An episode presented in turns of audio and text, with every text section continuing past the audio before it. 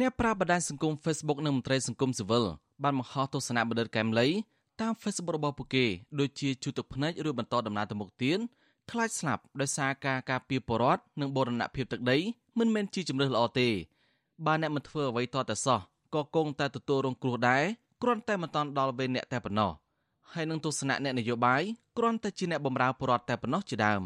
ប្រធានសមាគមប្រជាធិបតេយ្យឯករាជ្យនៃសេដ្ឋកិច្ចក្រៅប្រព័ន្ធលោកវុនពៅ រំលឹកថាទស្សនៈបណ្ឌិតកែមលីពីចំណុចដែលសំខាន់ដែលលោកចងចាំក្នុងចិន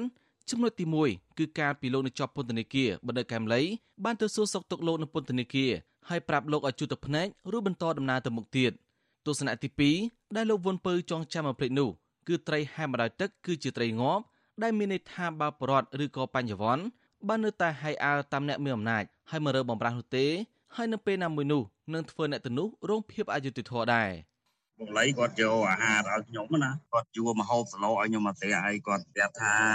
ជាទូទៅពួកយើងធ្វើការសង្គមវាតែទៅជួបប្រទេសចឹងហើយអញ្ចឹងយើងកុំបាក់ស្បាតយើងទឹកភ្នែកមែនប៉ុន្តែបន្ទាប់ពីជួបទឹកភ្នែកហើយយើងត្រូវធ្វើបន្តត្រូវធ្វើដំណើររួមគ្នាទៅមុខទៀតដើម្បីជាតិដើម្បីសង្គមដើម្បីភាពយុត្តិធម៌របស់ប្រជាពលរដ្ឋស្លូតត្រង់ដោយឡែកចំពោះកម្មវិធីគម្រប់5ឆ្នាំនៃគិតកម្មមដកែមលីដែលត្រូវធ្វើនៅថ្ងៃទី10ខែកក្កដាឆ្នាំនេះ លោកវុនពើដឹងថាអង្គការសមាគមនៃផ្ទះសាមគ្គីជាង10ស្ថាប័នអង្គការដៃគូផ្សេងទៀតរួមទាំងបណ្ដាញសហគមន៍តាមខេត្តនានានឹងធ្វើពិធីសាសនាតាមទីស្នាក់ការរបស់ពួកគេរៀងៗខ្លួនដើម្បីឧទ្ទិសជូនដល់វិញ្ញាណក្ខន្ធបណ្ឌិតកែមលីលោកបានទៀតថាកម្មវិធីបន្ទាប់គឺការជជែកគ្នាតាមអនឡាញផ្សាយផ្ទាល់តាម Facebook លើប្រធានបទយុតិធធសម្រាប់ទាំងអស់គ្នាដែលអ្នកចូលរួមមកពីថ្នាក់ដឹកនាំអង្គការសមាគមសហជីពអ្នកខ្លំមើលការអភិវឌ្ឍសង្គមនិងអ្នកវិភាគជាដើម។ ស្រដៀងគ្នានេះខ្មែរនៅក្រៅស្រុកនិងភរិយាបណ្ឌិតកែមលីដែលកំពុងរស់នៅប្រទេសអូស្ត្រាលីក៏ក្រុងប្រពៃពិធីបុណ្យនេះនៅថ្ងៃទី10ខែកក្កដាខាងមុខដែរចំណែកនាយករងទទួលបន្ទុកខ្លមមើលសិទ្ធិមនុស្សនៃអង្គការលីកាដូលោកអំសំអានយល់ថាវរៈភាពរបស់បណ្ឌិតកែមលីគ្មានអ្នកណាអាចបំភ្លេចបានទេអ្នកការពារសិទ្ធិមនុស្សរូបនេះរំលឹកដែរថាមុខគិតកោបាញ់សម្លាប់បណ្ឌិតកែមលីមួយខែលោកកែមលីបានមកជួបលោកនៅការិយាល័យអង្គការលីកាដូលោកថាពេលនោះបណ្ឌិតកែមលី និយាយថាទាំងការងារលោកអំសម្បត្តិនិងការងារលោកកែមលីសុទ្ធតែជាការងារប្រឈម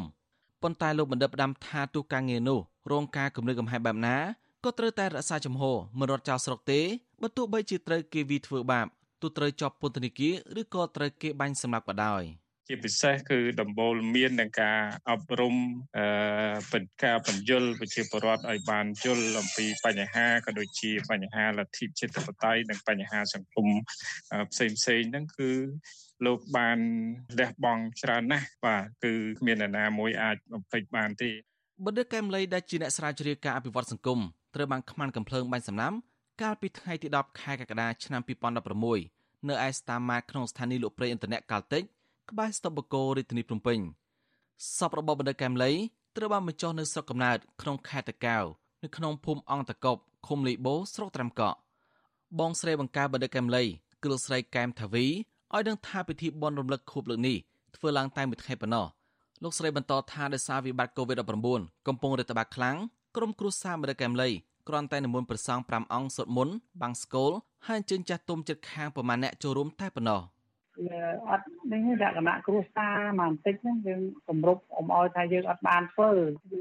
យើងស្រោកស្ដាយអូនយើងស្រោកស្ដាយអត់បានធ្វើឲ្យធំបងប្អូនប្រជាពលរដ្ឋយើងគាត់ចង់មកច្រើនហើយដល់អញ្ចឹងយើងអត់បានជូនដំណឹងជូនអីអញ្ចឹងប៉ុន្តែតាំងពីចូលថ្ងៃមួយមកដូចមានអ្នកមកដុតធូរដុតអីបដាបដាមួយពីរមួយពីរអញ្ចឹងដែរមិនស្ងាត់ទេរយៈពេល5ឆ្នាំកន្លងមកនេះតុលាការនៃរបបក្រុងភ្នំពេញរកឃើញតែមនុស្សម្នាក់គត់គឺអឿតអាង ដែលហៅខ្លួនឯងថាជួបសំណាប់បានផ្ដន់ទោសដាក់ពន្ធនាគារអស់មួយជីវិតទោះបីជាណាមហាជនទូទៅ សង្ស័យថាជួបសម្លាប់គ្រាន់តែជាឃាតករសពនិមិត្តអ្នកនាំពាក្យសាលាដំបងក្រុងភ្នំពេញលោកអ៊ីរ៉ានប្រាប់សារព័ត៌មានក្នុងស្រុកកាលពីពេលថ្មីថ្មីនេះថាសំណុំរឿងឃាតកម្មមដកែមលីបានបំបែកជាពីរនិងមិនទាន់បើបញ្ចប់នៅឡើយទេនិងកំពុងស្ថិតក្រោមការបន្តស៊ើបអង្កេតបើទោះបីជាណាលោកស្រីកែមទ្វីលើកឡើងថាមដកែមលីមិនទាន់ទទួលបានយុត្តិធម៌នៅឡើយទេ ហើយលោកស្រីមិនដឹងថានឹងទទួលបានយុត្តិធម៌នៅពេលណាដែររីឯភរិយាបដិកែមលីអ្នកស្រីប៊ូរចនាក៏អស់សង្ឃឹមលើរបបលោកហ៊ុនសែនថាមិនអាចរកយុត្តិធម៌ជូនគ្រួសារលោកស្រីបានខ្ញុំសនចាររថាវិទ្យុអេស៊ីសរ៉ៃរាយការណ៍ពីរដ្ឋធានីវ៉ាស៊ីនតោន